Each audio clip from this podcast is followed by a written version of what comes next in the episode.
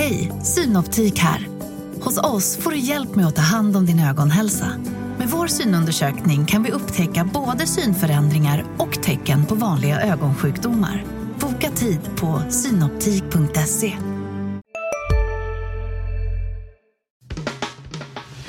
Analyspodden från Dagens Industri. Hej och välkomna till den här veckans avsnitt av Analyspodden som är Dagens Industris podd om börs och aktier. Mitt namn är Mikael Olsson och med mig i poddstudion idag har jag Torbjörn Isaksson. Tjena Torbjörn! Hej hej!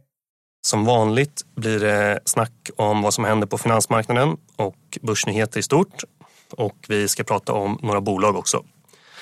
Eh, det är fredag och klockan är tio och eh, ja, vi kör igång.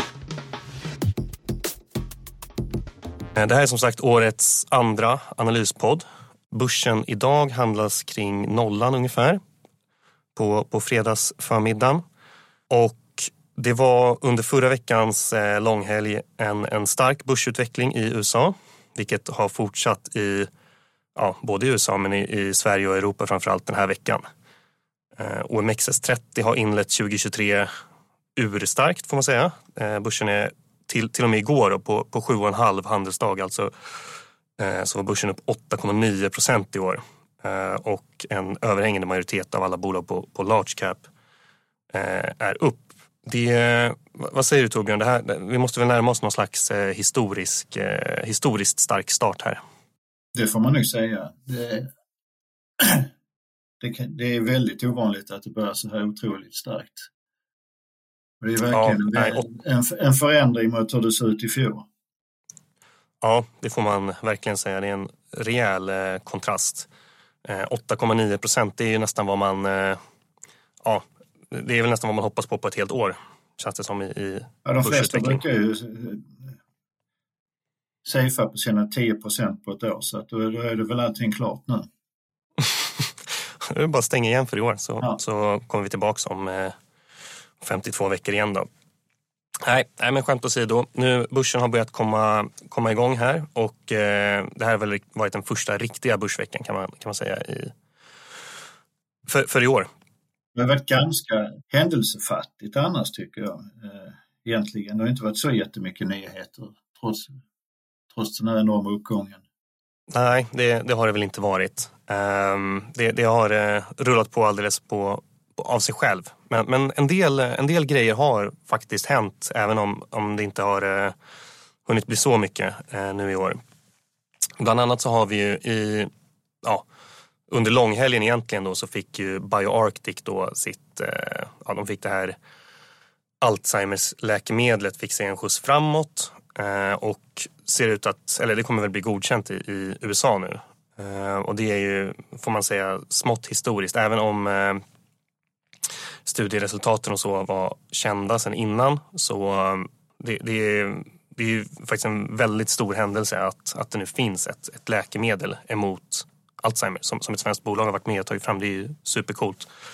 Eh, Så det är ju verkligen ett bolag som man ska, ska följa här och så får man se lite hur det, hur det går för dem. Men, men eh, en stor eh, läkemedelshändelse får man verkligen säga. Det var ju en svensk paradgren en gång i tiden med, med Astra och, och Pharmacia. Mm. Sen, sen har det ju, det, sen läkemedelsbranschen har ju, det har ju tappat ganska mycket så att det är verkligen roligt att det kommer någonting helt nytt som eh, bryter igenom där.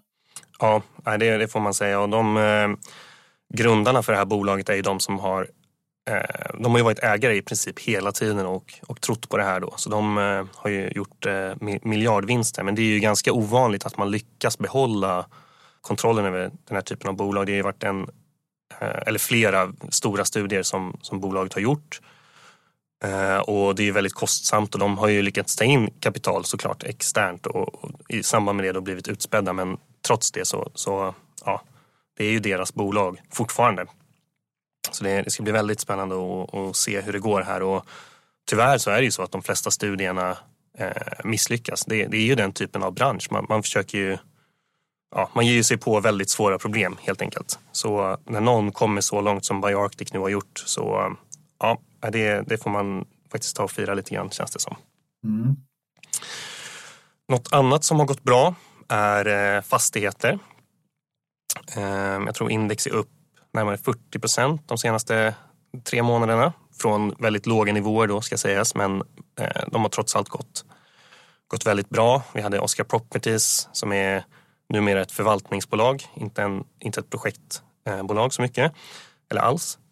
Eh, de har rusat här i början, ni pratade om det i förra veckans podd. Och sen skrev du Torbjörn lite grann om eh, Bengt Kjells eh, nya fastighetssatsning som hänger ihop lite grann med det här. Kan du, kan du berätta lite om ja, vad, vad är det han har kokat ihop för någonting?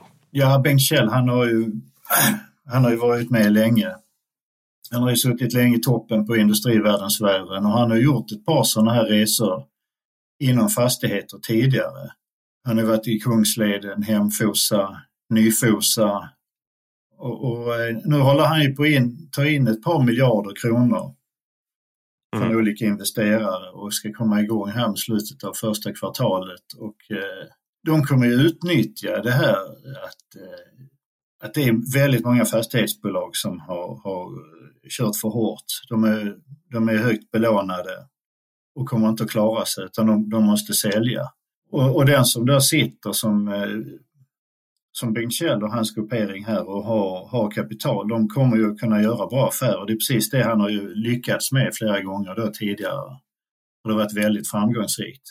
Idén är att komma in i det här läget och utnyttja att andra har det svårt och så fort marknaden stabiliseras och det går upp så, så blir det enorma vinster för den typen av aktörer som sitter och har, har starka finanser.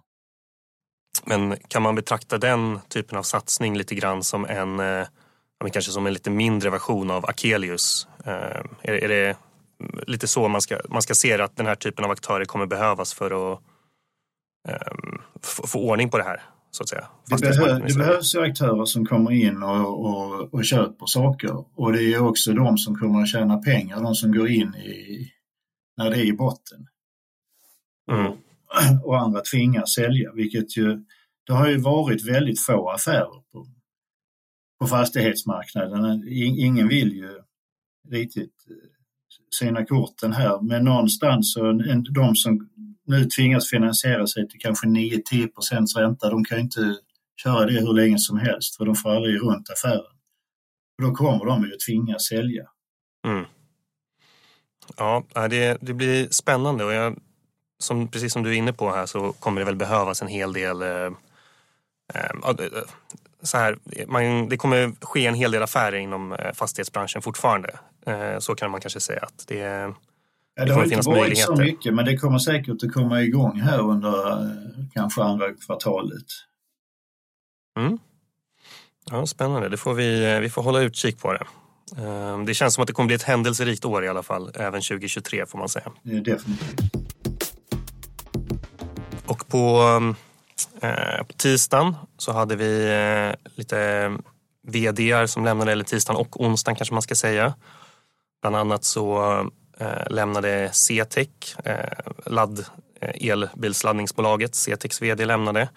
Och på onsdagen då så lämnade eh, marknadsundersökningsbolaget Sints vd bolaget. Och sen har vi även haft, på, även hos Nelly och TF Bank då, så har de avgått två vd Det, är både Sint och CTEC är ju bolag som har varit ägda av riskkapitalister. Sint sattes på börsen av Nordic Capital och CTEC av Altor jag vet inte, tycker du att... Jag, jag skrev lite grann om, om CTEC då och att det kändes lite grann som att man kunde börja skymta en trend här. Många av de bolagen som har varit ägda av riskkapitalister sätts på börsen och förvisso har 2022 varit ett, ett extremt hårt år mot kanske framförallt eh, tillväxtbolag som många av dem eh, som kom till börsen var.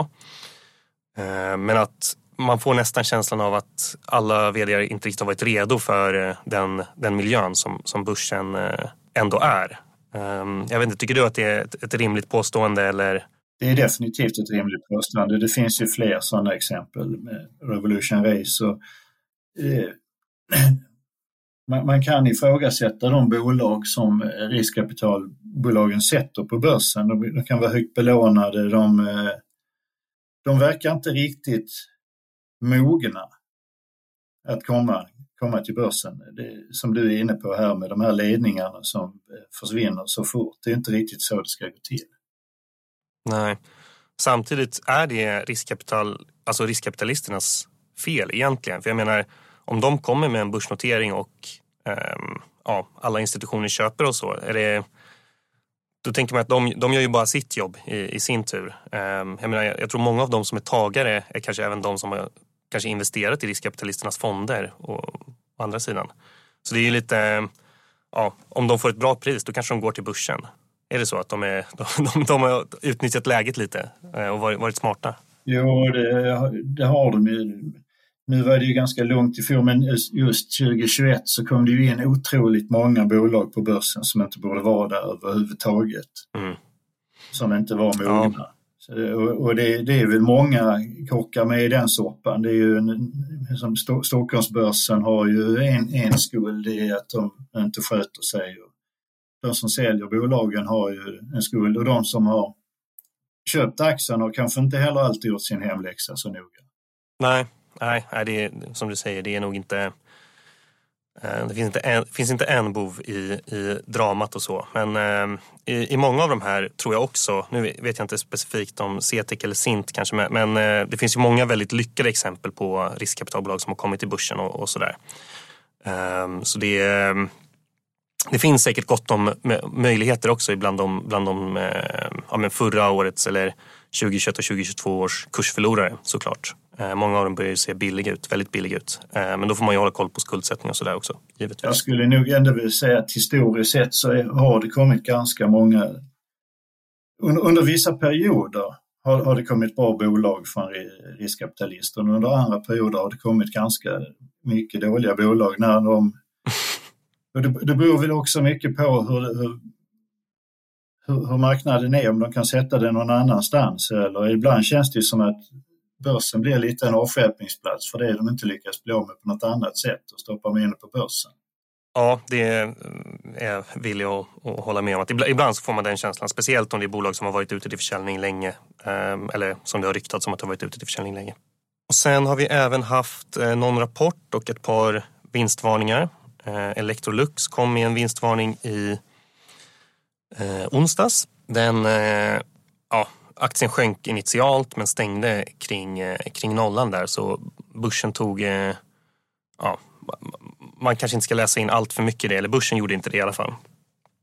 Eh, men det, det tyder väl ändå lite grann på att bolag som riktar sig mot konsumenter direkt eller har en stor exponering indirekt har lite ja, har haft det lite tufft de här senaste månaderna och kanske kommer ha det framöver också.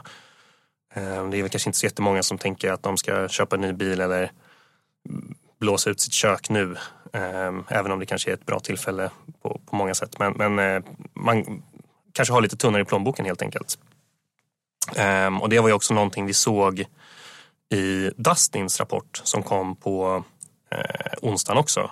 De har ju ett brutet eh, räkenskapsår. Så det var ju några höstmånader här. Eh, men mot offentlig sektor så hade verksamheten tuffat på ganska bra. Eh, men marginalerna var svagare och eh, mot det här eh, small medium businesses, alltså mot, mot mindre bolag hade det gått ganska dåligt. Och de hade ju köpt ett eh, bolag, Central Point tror jag det hette, av Altor för ett och ett halvt år sedan. Eh, och det var ju också inom det här SMB-segmentet då. Eh, så det, det, hade gått lite sämre där helt enkelt. Um, Dustins VD blev intervjuad i DI-TV och han var inte nöjd heller. Um, så frågan är om det är ett köpläge eller om man ska vänta ytterligare. Men ehm, fick ett, uh, ja, ett ganska hårt mottagande. Jag tror aktien föll kring 15 procent drygt uh, på, på rapporten. Yes. Och igår, i torsdags, så kom inflationssiffrorna i eh, USA. Eh, de var i linje med förväntningarna. Inflationstakten i USA, mätt som KPI, sjönk till eh, 6,5 procent från december, där det var, eller i december, från 7,1 procent i november. Då. Och det var helt i linje med Bloombergs estimat. Då. Och det var även månadsförändringen som kom in på minus 0,1 procent. Och kärninflationen, det vill säga exklusive eh, livsmedel och energi, kom in på 5,7 procent eh, och månadstakten landade på plus 0,3 procent. Hej, Ulf Kristersson här. På många sätt är det en mörk tid vi lever i. Men nu tar vi ett stort steg för att göra Sverige till en tryggare och säkrare plats. Sverige är nu medlem i Nato. En för alla, alla för en. Har du också valt att bli egen? Då är det viktigt att skaffa en bra företagsförsäkring. Hos oss är alla småföretag stora och inga frågor för små. Swedeas företagsförsäkring är anpassad för mindre företag och täcker även sånt som din hemförsäkring inte täcker. Gå in på swedea.se företag och jämför själv. Det, det är mm, de eh, delkomponenterna av det här då, som hade drivit inflationen. Så energipriserna sjönk med 4,5 procent i december jämfört med november och livsmedelspriserna var upp 0,3. Boendekostnaderna hade lyft och eh, priset på begagnade bilar hade backat. Då. Så ja, lite mer eh, billigare begagnade bilar, billigare energi eh, gjorde att inflationen eh, sjönk på, på översta raden då. Här, liksom det, börsen gick upp lite grann på det här och att det var i linje med eh, förväntningarna först den initiala reaktionen var att det sjönk då. Men ehm, det var ja, några minuter och sen, sen så repade den sig och stängde lite över eh, det den stod i när ehm, siffran kom. Och eh, det här, eh, alltså det, det, har ju verkligen varit urstarkt på, på börsen den senaste tiden, de senaste månaderna. Eh, I USA har det inte varit jättestarkt. Jag tror att det var Nordea som skrev att sen eh, botten i oktober så var S&P indexet upp ungefär 4 i, i SEK då. Medan OMXS30, DAX, franska motsvarigheten var upp kring, kring 20 eh, så här har Europa verkligen dragit ifrån. Sen får man ju hålla koll på lite valuta som, som kan påverka ganska mycket. Men överlag så om man, eh, ska man, säga, om man vänder på den här eh, börsgrafen och så hade det här varit en så här brant nedgång, så nu har vi haft en, en brant uppgång istället. Då hade man ju verkligen sagt att det här måste ju vara ett, ett köpläge för, för en långsiktig. Liksom. Man ska väl kanske inte sia så mycket i eh, makro överlag och vart börsen är på väg men, men eh, som vi konstaterade tidigare så har det varit en väldigt, väldigt stark börsutveckling och, och eh, kanske så är inte risk-reward superbra här, eh, åtminstone kortsiktigt. Ehm, Många storbanker har ju eh, reviderat upp sin syn på liksom, europeisk ekonomi och att det kanske inte blir en lika djup lågkonjunktur. Och Europa är ju mycket värdeaktier eh, i förhållande till, till USA. Så ja, det, det kanske kan tuffa på eh, uppåt. Det, det, är svårt att säga men, men eh, om, om man ska dra några slutsatser i alla fall så, så ty, tycker jag att eh, det är ett bättre säljläge nu än det var för, för tre månader sedan. Det, det kanske sparkar in lite öppna dörrar men Eh, det får man verkligen säga, det har gått extremt fort. Eh, idag kom svenska inflationssiffrorna som var högre än väntat och det, det stödjer väl kanske den här tesen om att ekonomin åtminstone tuffar på. Eh, vi får lite jobbsiffror i, från USA senare idag och rapportperioden börjar även komma igång där borta.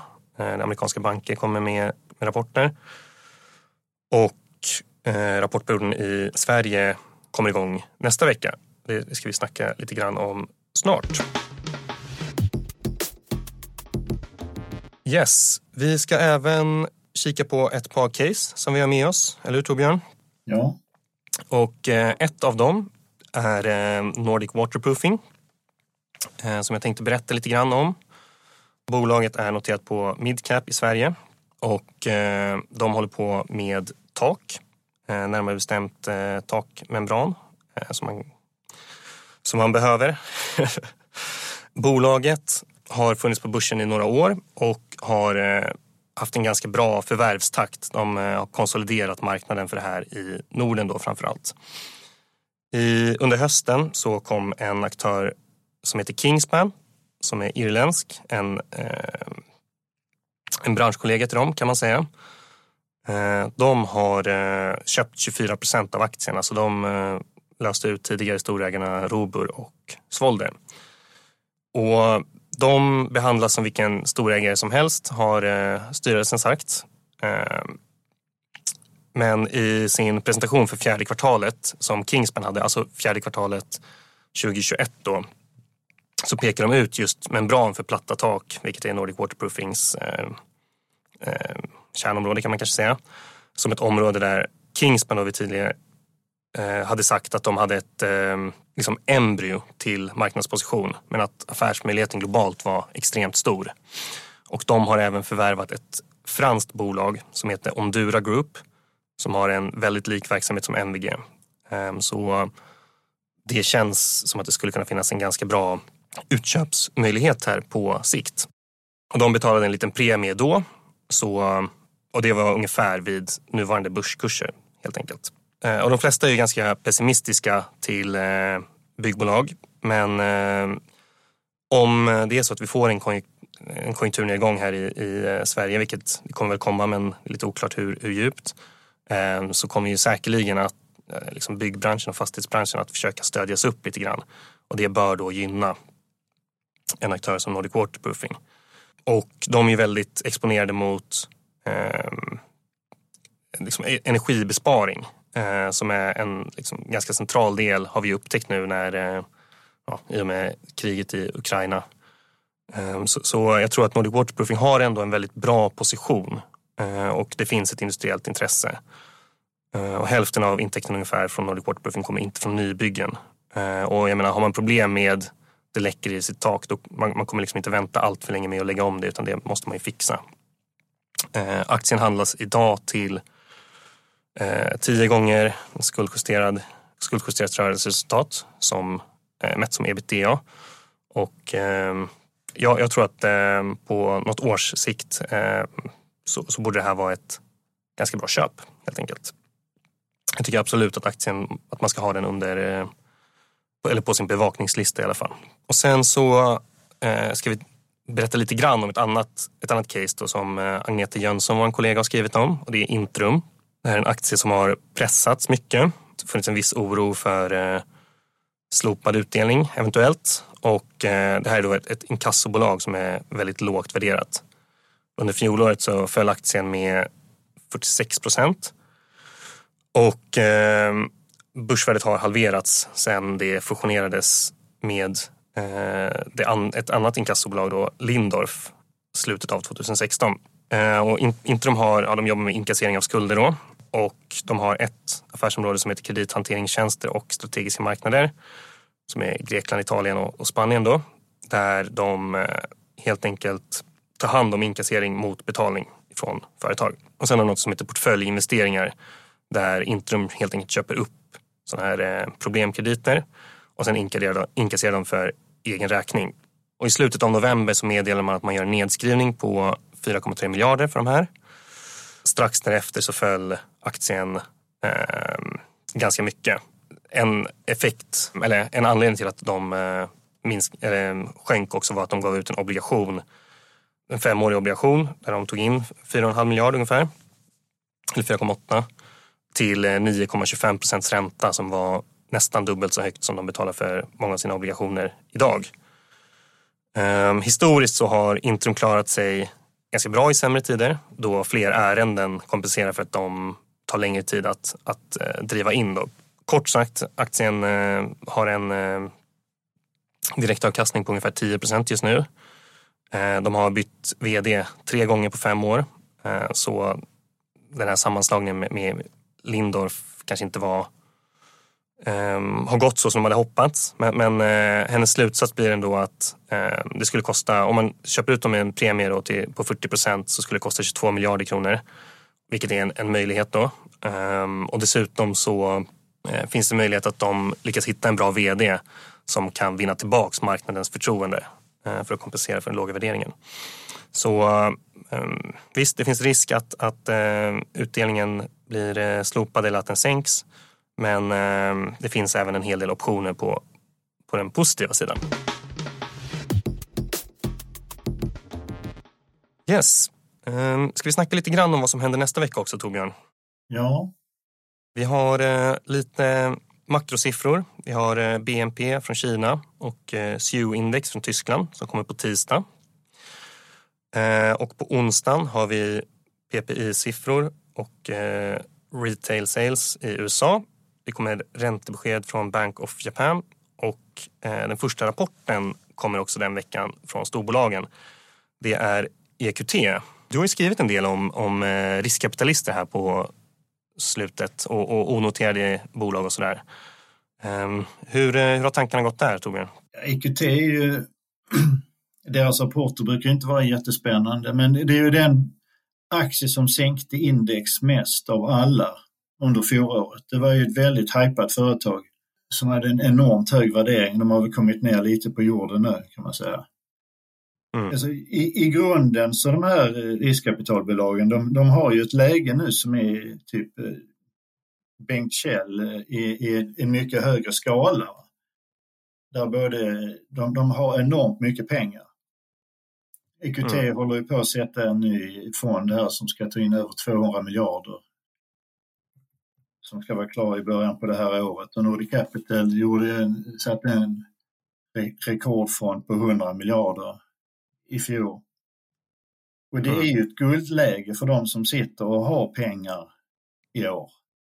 När det är så många som, som kommer att tvingas sälja. Det som har hänt hittills är att värderingarna har ju inte de har inte lyckats mötas på värderingarna.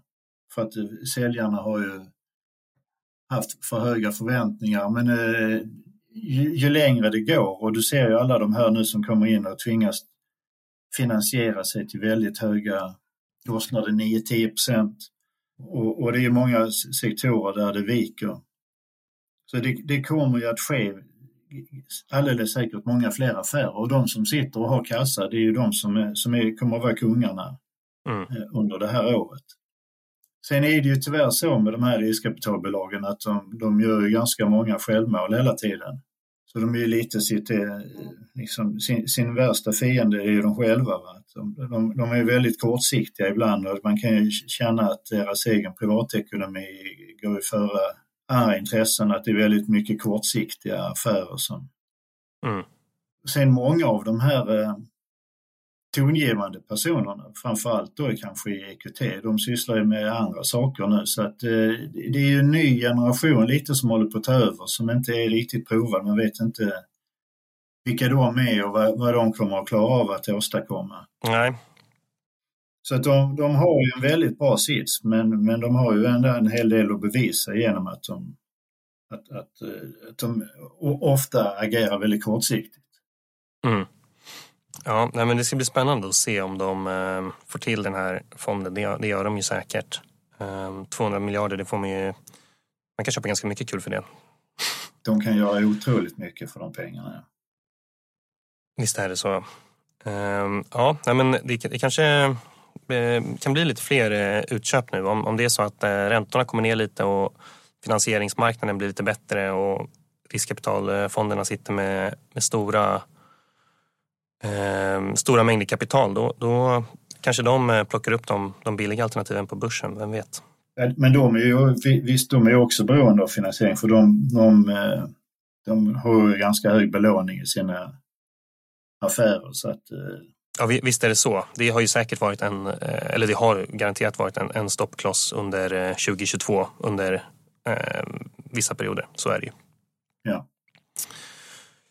Ja, Eh, på torsdag nästa vecka så har vi även eh, VNV som kommer med rapport och på fredagen då drar rapportperioden igång på allvar i Sverige. Vi har eh, Avanza, Investor, TF Bank, Sandvik och Ericsson som kommer med rapporter. Ericsson steg ju igår tror jag det var på att de hade gjort en avsättning för ett eventuellt böter då ifrån amerikanska DOJ och eh, det var ett lite mindre belopp än vad marknaden hade förväntat sig. Så aktien steg 6-7 procent. Eh, där har vi även fått ett, eh, eller det har annonserats att det kommer att vara en ny stor eh, eh, styr, eh, ny styrelseordförande. där Ronny Leten då kommer att lämna vid nästa årsstämma. Så det blir spännande att se lite grann ja, om, det, om det kan bli någon, någon förändring där. Ericsson har ju haft en ett par tuffa eh, börsår om man jämför med, med index i alla fall och, och dragits med eh, en del utmaningar. får man ju kort sagt säga. Det är det minsta man kan säga om dem. Mm. Vi ska passa på att tipsa om våra eh, andra poddar. Makrorådet, eh, Digitalpodden, eh, där också Mitt i bruset finns. Smarta pengar, Morgonkoll och sen givetvis TIs ledarpodd också. Eh, så med det får vi tacka för den här veckan och önska en eh, trevlig helg. Trevlig helg. Ha det fint. Analyspodden från Dagens Industri. Programmet redigerades av Umami Produktion. Ansvarig utgivare Peter Fellman.